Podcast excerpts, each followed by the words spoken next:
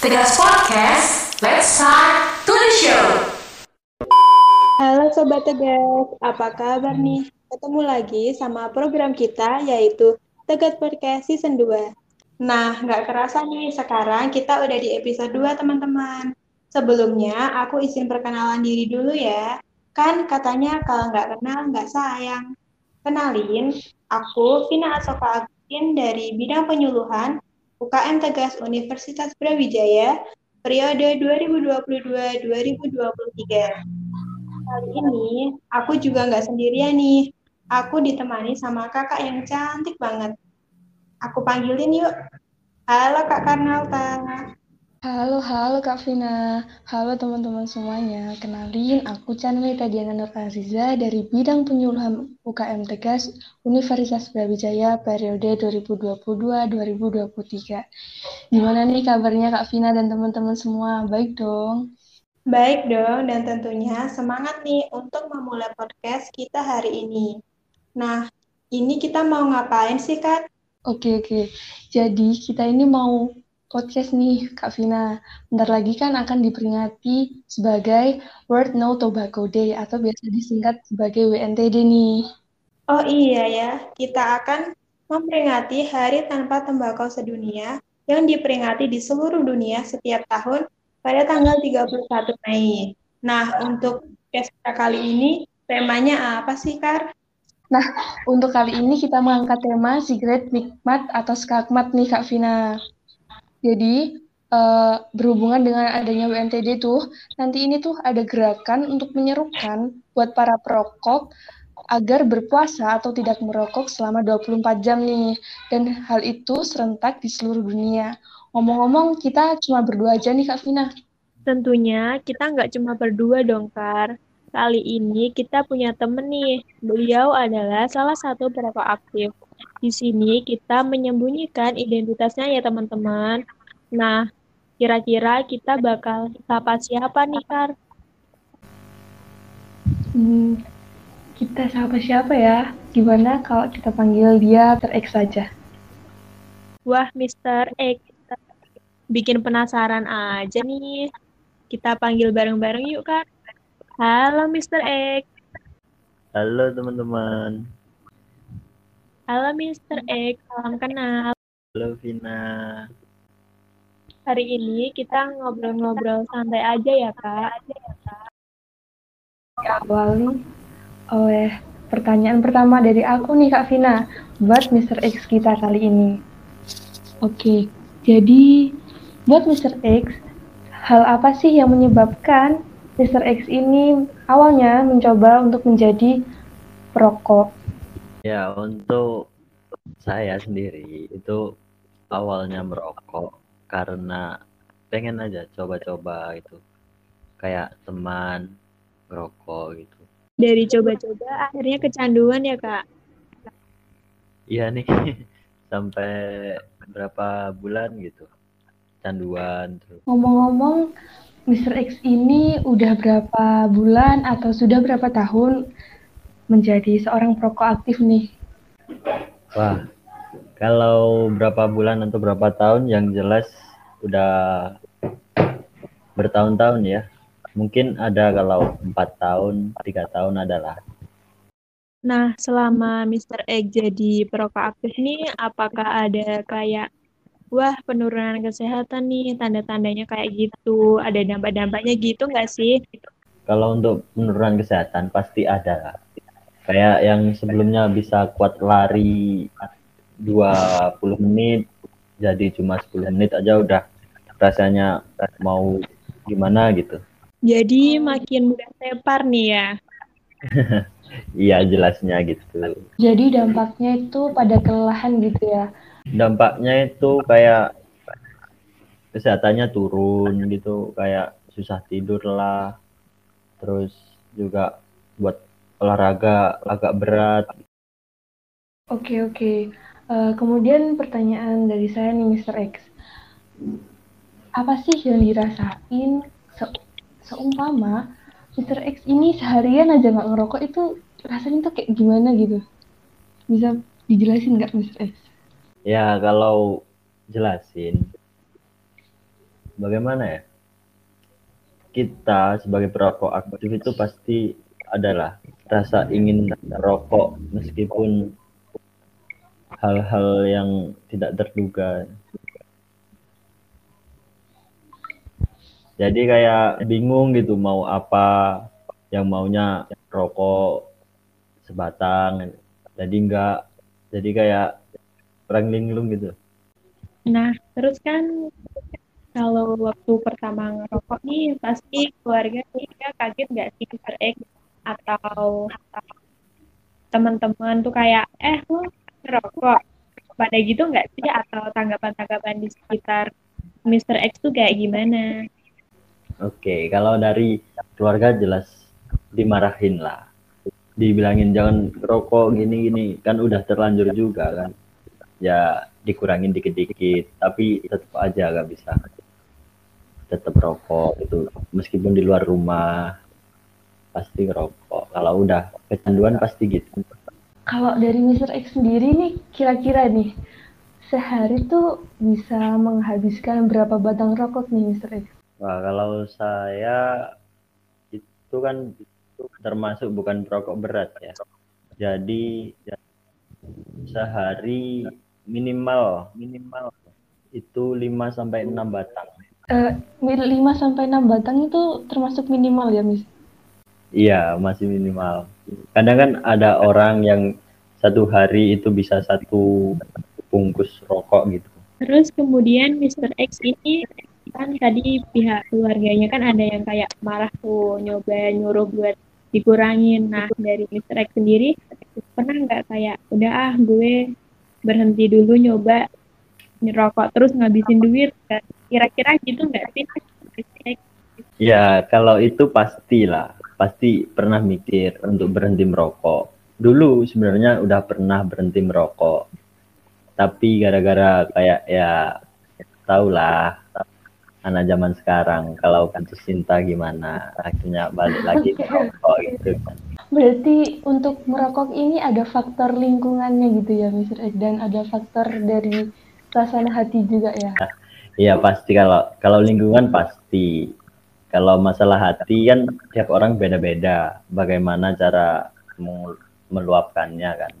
Kalau saya sendiri itu ya ke ngerokok gitu kalau di sekitar kita kan banyak tuh anak-anak yang ngerokok itu alasannya itu karena temen-temen gue kan ngerokok nanti kalau di tongkrongan gue nggak ngerokok gue malu kayak gitu lah nah itu tanggapan dari. X gimana sih ya untuk pertanyaan ini jujur kalau ada anak yang di tongkrongan kayak gitu saya tidak setuju. Soalnya lebih baik mencegah lah. Biar kita kita aja yang udah kayak merasakan. Jadi yang belum merokok mending jangan ya di ya ditawarin sekali. Itu kan. Kalau dia nggak ngerokok udah nggak usah diceng-cengin gitu kan tapi itu banyak kan Mister Eka yang kalau di apalagi di perkuliahan nih kalau temen-temennya udah banyak banget yang ngerokok tuh pasti dia bakalan keikut apalagi kan anak jauh dari orang tua, mudah banget tuh diajak ke hal-hal yang negatif. Kayak gitu misalnya. Ya, emang banyak sih kalau di lingkungan perkuliahan itu. Apalagi kan juga katanya tadi jauh dari orang tua, pasti ada.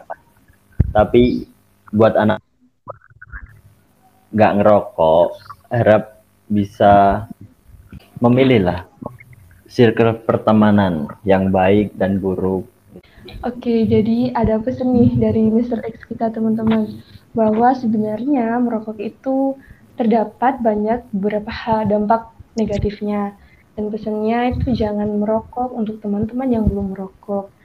Maka dari itu hindari merokok. Kalau kita nggak menghindari dari diri kita sendiri, maka akan dimulai dari siapa lagi? Gitu, gitu Mr. X. Betul sekali, Kak Karnelita. Sebelum pertanyaan penutup, kan harga rokok itu kan semakin mahal ya kak ya semakin hari pun semakin naik meskipun cuma seribu gitu kan naik naik terus nah apakah dari Mr. X ini udah harganya naik ada rasa keberatan nggak kan udah kecanduan udah udah dikurangin tapi nggak bisa stop, terus harganya naik terus. Nah, dari Mr. X ini tanggapannya gimana sih? Ya, kalau dari saya sendiri ya, sebagai perokok aktif, ya terbebani, ya soalnya kan kita juga merantau kan di negeri, apa, di kota orang. Jadi ya pasti kebutuhan-kebutuhan lain juga bisa buat beli rokok, ya gitulah, sangat terbebani. Oke, jadi kesimpulannya itu meskipun banyak kebutuhan-kebutuhan lain yang mendesak, tapi kebutuhan untuk beli rokok tetap ada gitu ya, Mr. X. Ya, kalau itu pasti diusahain kalau masalah rokok. Tapi saya sudah, ya mungkin akhir-akhir inilah, itu mulai mengurangi rokok saya. Baik-baik, sebelum terjadi dampak yang lebih buruk atau memberikan dampak yang buruk untuk kesehatan, lebih baik dikurangin itu ya, Mr. X ya. Nah, Betul itu pertanyaan terakhir nih. Apa sih kesan dan pesan buat Mr. X untuk generasi-generasi muda atau anak-anak perkuliahan yang jauh dari orang tua, yang di rantauan, agar terhindar dari bayar rokok? Nah, bagi mereka yang belum rokok itu kan bisa diberi nasihat nih. Jangan sampai terpengaruh sama teman-temannya yang ngerokok kayak gitu. Oke, untuk pesan saya buat anak yang belum merokok, mending jangan sampai merokok. Soalnya bisa kecanduan dan itu menghabiskan uang, ya kan? Terus tet- tetap menjaga komitmen untuk tidak merokok. Jadi sama pilih-pilih teman lah, mana yang baik dan mana yang buruk. Jauhi anak yang bisa menjerumuskan kita ke rokok atau minum minuman keras begitu. Oke, terima kasih banyak nih. Jadi kita ini banyak informasi nih Vina kali ini dari Mr. X kita sebagai perokok aktif nih. Dibilang jangan merokok untuk teman-teman yang belum terlanjur terjerumus kepada rokok. Kemudian kita harus pilih-pilih teman agar kita tidak mudah terpengaruh oleh lingkungan gitu Vina. Wah, bener banget tuh, Kak. Sebelum teman-teman kecanduan buat merokok, sebaiknya memilih teman atau circle pertemanan yang baik dan bermanfaat agar masa depan teman-teman tuh juga cerah gitu ya daripada uangnya dipakai buat beli rokok atau beli hal-hal yang nggak berguna untuk kesehatan dan merugikan lebih baik dipakai buat menabung atau membeli makanan sehat seperti jus buah dan lain-lain kayak gitu. Bener banget Vina. Mungkin bisa juga buat buat traktir ayang ya Vina ya. Aduh, ayangnya siapa nih? Oke, mungkin cukup sekian dulu perbincangan kita bersama Mr. X kali ini. Sebelumnya dari saya terima kasih banyak Mr. X. Sama-sama Kak Karnelita, Kak Vina. Makasih banyak buat buat Dr. X dan makasih atas pesan dan pesan yang telah disampaikan. Terima kasih telah meluangkan waktu nih buat datang ke podcast kita. Banyak banget ilmu yang disampaikan oleh Mr. X ini. Oke, mungkin cukup sekian dari kita. Nanti kita akan lanjut lagi kepada narasumber kami yang kedua. Kira-kira siapa ya? Kita panggil bareng-bareng yuk narasumber kita yang kedua. Halo Kak. Halo, halo. Oke, sebelumnya boleh nih dari kakak untuk perkenalan diri. Kan katanya kalau nggak kenal nggak sayang nih. Biar tambah sayang, boleh dong perkenalan diri dulu. Oke, aku izin memperkenalkan diri ya. Eh, namaku Hanif Fikri Fauzan, bisa dipanggil Hanif. Dari eh, UKM Pasti Polinema, eh, bidang penelitian dan pengembangan. Halo semuanya. Halo Kak Hanif, Wah dari UKM Pasti Polinema nih, keren banget. Oke, kita kali ini bincang-bincang santai aja ya Kak, kita saling sharing gitu. Ya, oke oke, let's go. Oke, kita mulai yuk. Kali ini kita akan berbincang tentang rokok nih Kak. Kan banyak banget tuh di Kota Malang sendiri tuh banyak banget kalangan-kalangan para anak-anak di perkuliahan yang merantau jauh dari orang tua. Itu kan mulai mencoba-coba untuk merokok. Mungkin dari mahasiswa perkuliahan pun udah ada yang merokok sejak SMA. Tapi kan ada yang belum Kak. Nah, bagaimana sih Kak? tanggapan kakak mengenai anak-anak perkuliahan yang mulai mencoba-coba untuk merokok kayak gitu kak? Ya, kalau dari pengalamanku dari yang aku lihat itu uh, sebenarnya justru banyak dari teman-teman kita atau anak-anak itu yang merokoknya bahkan sebelum perkuliahan gitu. Kebanyakan mulai dari SMP dari SD itu juga uh, sudah mulai merokok. Nah, kalau dari teman-teman yang sendiri yang merokok itu uh, banyak faktor sih yang penyebabnya kenapa mereka coba-coba merokok gitu? Bisa karena pengaruh lingkungan. Melihat temennya pada merokok semua ikut coba-coba gitu. Kan penasaran banget tuh kasih rasa merokok gimana? Aku coba deh teman-teman itu juga bakal rokok semua kok.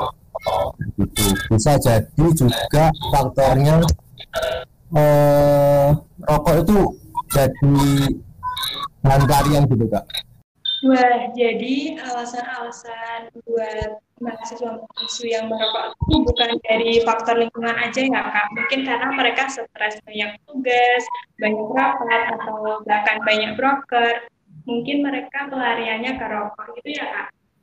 Betul banget.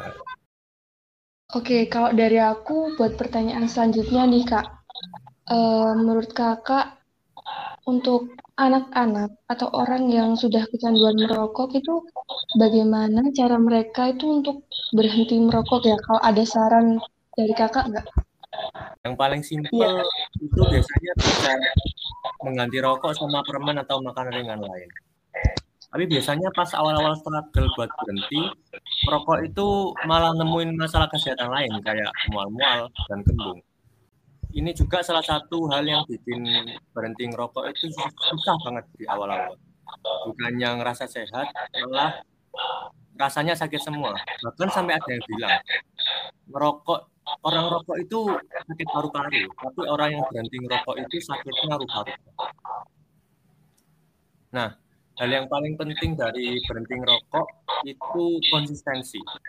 Soalnya rawan banget, rawan banget goyah. Kadang banyak orang yang udah berhenti beberapa bulan tapi balik ngerokok lagi.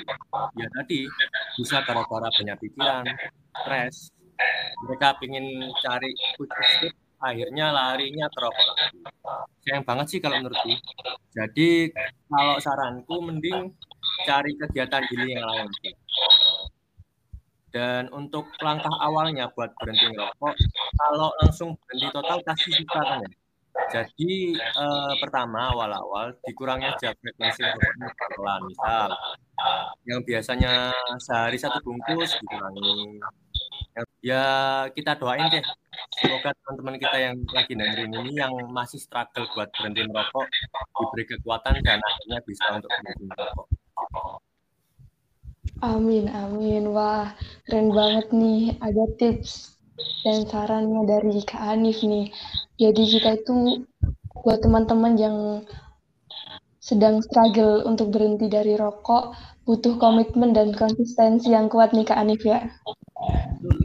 Aku baru tahu loh Kak, ternyata kalau orang yang berusaha berhenti rokok itu malah ada efek sampingnya kayak mual-mual gitu. Kamu sebelumnya udah tahu belum Kak, ada hal kayak gitu? Iya, bener banget. Aku masih belum tahu sih, Vin, karena belum pernah menjumpai di lingkungan sekitar aku. Jadi ini kayak ilmu baru gitu dari Kak Ani. Kasih, Kak. Iya, sama-sama. Wah, ilmu baru banget nih. Nah, kemudian itu kalau rokok itu termasuk ke dalam nafza nggak sih, Kak? Kan bahaya yang ditimbulkan itu hampir sama. Nah, juga menyebabkan kecanduan kayak gitu. Iya, Yes, termasuk ke dalam nafsa. Nafsa sendiri itu kan narkotika, narkotika dan zat adiktif. Nah, di sini rokok dengan nikotin sebagai kandungan utamanya itu masuk ke kategori zat adiktif yang dapat menimbulkan kecanduan. Nah, bahayanya apa aja kalau kita udah kecanduan? Banyak banget sebenarnya kita udah di warning sih sama pemerintah dari packagingnya rokok itu kan ada gambar-gambar serem banget mulai dari kanker mulut, kanker tenggorokan, kanker paru-paru dan penyakit kronis yang lainnya. Yang pastinya penyakit ini itu ancamannya bisa kematian. Nah, meskipun banyak banget kayak dampak-dampaknya yang ditimbulin tuh, bahkan masih ada loh orang-orang yang merokok. Bahkan kan harga rokok juga makin lama tuh makin naik. Nah, tapi kenapa sih kak kok ada orang yang tetap aja ngerokok gitu? Nah, menurut kakak itu kayak gimana? Nah, oke. Balik lagi ke kecanduan adiksi itu tadi ya. Kalau orang sudah terlanjur kecanduan merokok, eh, apa pun risikonya mereka atau eh, mereka bisa ambil tindakan apa pun ya untuk memenuhi kecanduannya itu. Oke. Eh, jadi untuk orang-orang yang per- termasuk mereka bisa mengupayakan banyak hal ya kak untuk biar bisa beli rokok nih aku sehari harus beli rokok nih gitu ya kak ya Iya, betul. Seperti Nah. itu. kemudian kan rokok ini bisa dikatakan nabza ya kak seperti yang udah kakak katakan tadi nah kalau pengguna rokok ini kita bicara soal ekonomi nih kak.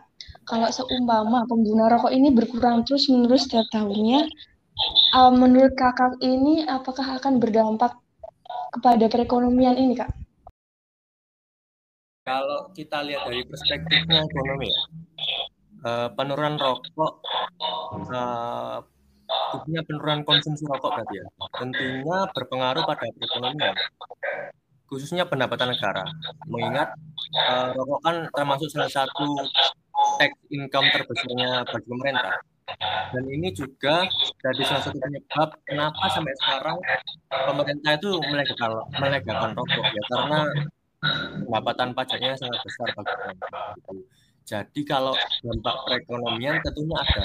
Nah, tapi kita juga jangan sampai melupakan nih concern kita kepada dampak kesehatannya. Oke kak, kemudian itu sekarang kan kita lagi berbincang santai antar UKM ya ya. UKM dari Polinema dan juga dari Universitas Brawijaya. Nah, kemudian menurut kakak berbincang seperti ini, kemudian kita membentuk suatu podcast, itu bisa berpengaruh nggak sih Kak kepada pelajar-pelajar, mahasiswa, atau anak-anak remaja yang kecanduan merokok kayak itu? Iya, kalau menurutku pastinya berdampak ya. Eh, kan mengingat juga di zaman sekarang podcast itu lagi booming ya, kalau bisa dibilang. Teman-teman seumuran kita yang muda-muda Gen Z ya bisa dibilang itu pasti udah banyak nih yang dengerin podcast. Dari podcast ini eh, kita harapin semoga teman-teman yang dengar ini yang ngerokok bisa dapat pandangan gitu buat mereka bisa ngurangin jumlah konsumsi rokoknya atau bahkan kalau bisa berhenti ya alhamdulillah. Kalau bisa berhenti, alhamdulillah banget nih ya Kak ya. Nah, ini pertanyaan terakhir dan pertanyaan penutup nih Kak pada podcast kita kali ini. Bagaimana nih kesan dan pesan dari Kak Hanif setelah kita berbincang santai mengenai salah satu yaitu perokok. Ya, pesan dan kesan ya. Pertama aku kesan dulu deh uh, buat teman-teman dari Tegas UB. Ada Kak Karnelita, ada Kak Vina. Uh, pertama-tama aku terima kasih. Terima kasih banyak bisa uh, diajak untuk jadi bagian dari podcast ini. Seru banget uh, bisa ngobrol-ngobrol. Uh, terlebih lagi, aku pribadi juga suka ngobrol kayak gini sih. Dan juga untuk pesanku, tadi kesan saya, pesanku untuk teman-teman pendengar di podcast ini, ya kayak tadi lagi, yang merokok, uh, pertimbangin lagi kesehatan kalian deh. Uh, aku nggak ingin teman-teman pendengar podcast ini sakit, jadi ya aku ajak lah, ayo kita bareng-bareng berusaha buat bisa berhenti mengurangi lah. Oke, mantap banget nih. Ada pesan dan pesannya dari Kak Anif. Wah, jadi kali ini kita dapat banyak ilmu banget ya, Vina ya. Mulai dari dampaknya merokok, terus kemudian kalau orang mau berhenti merokok itu pertamanya itu rasanya kayak gimana, ada rasa mual gitu. Kemudian dampaknya rokok terhadap perekonomian nih apa sih? Terus uh, rokok ini ternyata termasuk ke dalam nafza loh gitu. Bener banget, Kar. Banyak banget ilmu yang telah kita dapatkan pada podcast kali ini. Ini menambah wawasan banget ya mengenai tentang hal rokok. Um, ya bener banget karena kita akan memperingati BNTD tanggal 31 besok. Jadi ini info yang bermanfaat sekali.